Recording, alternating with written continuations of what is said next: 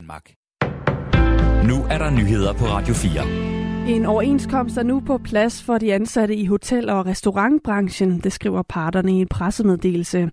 Aftalen indebærer blandt andet, at de 75.000 ansatte i branchen får en lønstigning på 4,5 kroner i timen i 2023 og 2024. Overenskomsten er netop landet, og du kan høre mere om den i nyhederne igen kl. 20. Og de forhandlere, der stadig ikke er nået til enighed om en ny overenskomst, får til gengæld nu mere tid. Forlismand Jan Rikkendorf har nemlig besluttet at udsætte de varslede strejker med yderligere to uger fra på onsdag, det skriver Forlisinstitutionen i en pressemeddelelse i dag. Jeg opfordrer alle overenskomstparter, hvor der endnu ikke er opnået forlig, til at fremskynde forhandlingerne mest muligt med henblik på en afklaring, siger forlismanden i en pressemeddelelse. Den 27. februar besluttede forlismanden for første gang at udsætte konfliktvarslerne i to uger. Han har desuden aftalt et nyt møde mellem Dansk Arbejdsgiverforening og Fagbevægelsens hovedorganisation. Forlismanden har mulighed for at udskyde de varslede konflikter med 14 dage to gange, og derfor er det sidste gang nu, at han har mulighed for at give parterne mere tid. Mange af de store overenskomstaftaler er allerede på plads.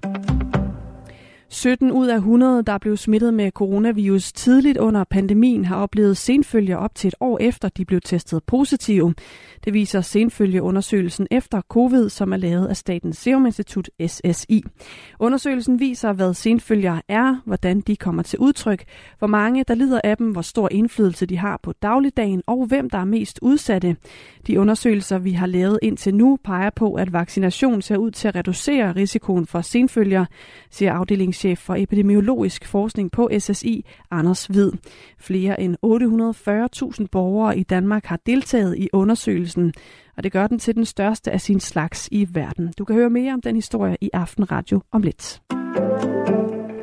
Folketingets partier skal nu igen se på folketingsmedlemmernes og ministernes løn og pension.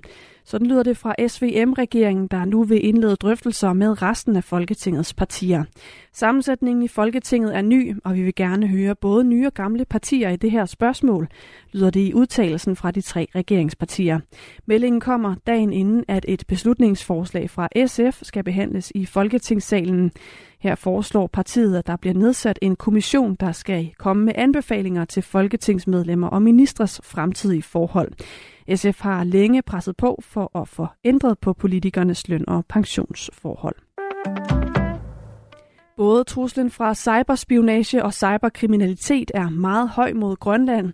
Det viser en ny vurdering, som Center for Cybersikkerhed har udarbejdet.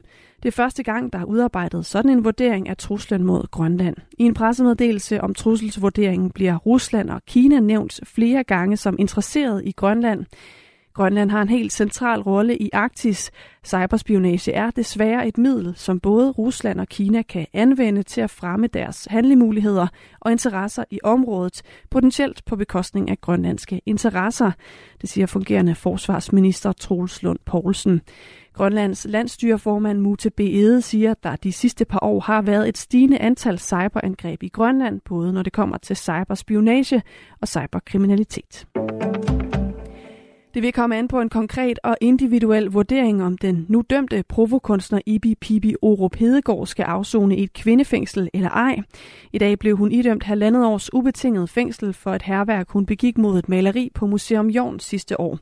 Provokunstneren søgte om juridisk kønsskifte i 2015, og det betyder, at hun i lovens forstand er en kvinde. Men da hun skiftede køn, vagte det opsigt, at hun ikke ønskede at foretage nogen fysiske forandringer. Derfor fremstår hun som en mand, selvom hun juridisk er kvinde.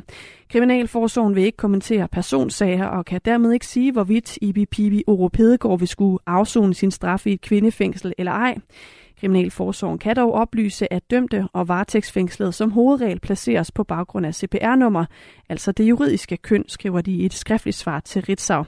Når den indsattes juridiske køn er anderledes end personens kønsidentitet, det biologiske køn eller det køn, personen blev tildelt ved fødslen, vil der dog ske en konkret og individuel vurdering af, hvor vedkommende skal placeres, lyder det. IBPB Oro Pedegaard har anket dommen, og derfor skal Vestre Landsret tage stilling til sagen igen. I aften og nat får vi mest skyet vejr, også med regn mange steder, melder DMI. Temperaturerne lander mellem 5 og 8 grader, og så får vi en frisk vind til cooling fra sydvest. Det var nyhederne med Anne Philipsen her på Radio 4.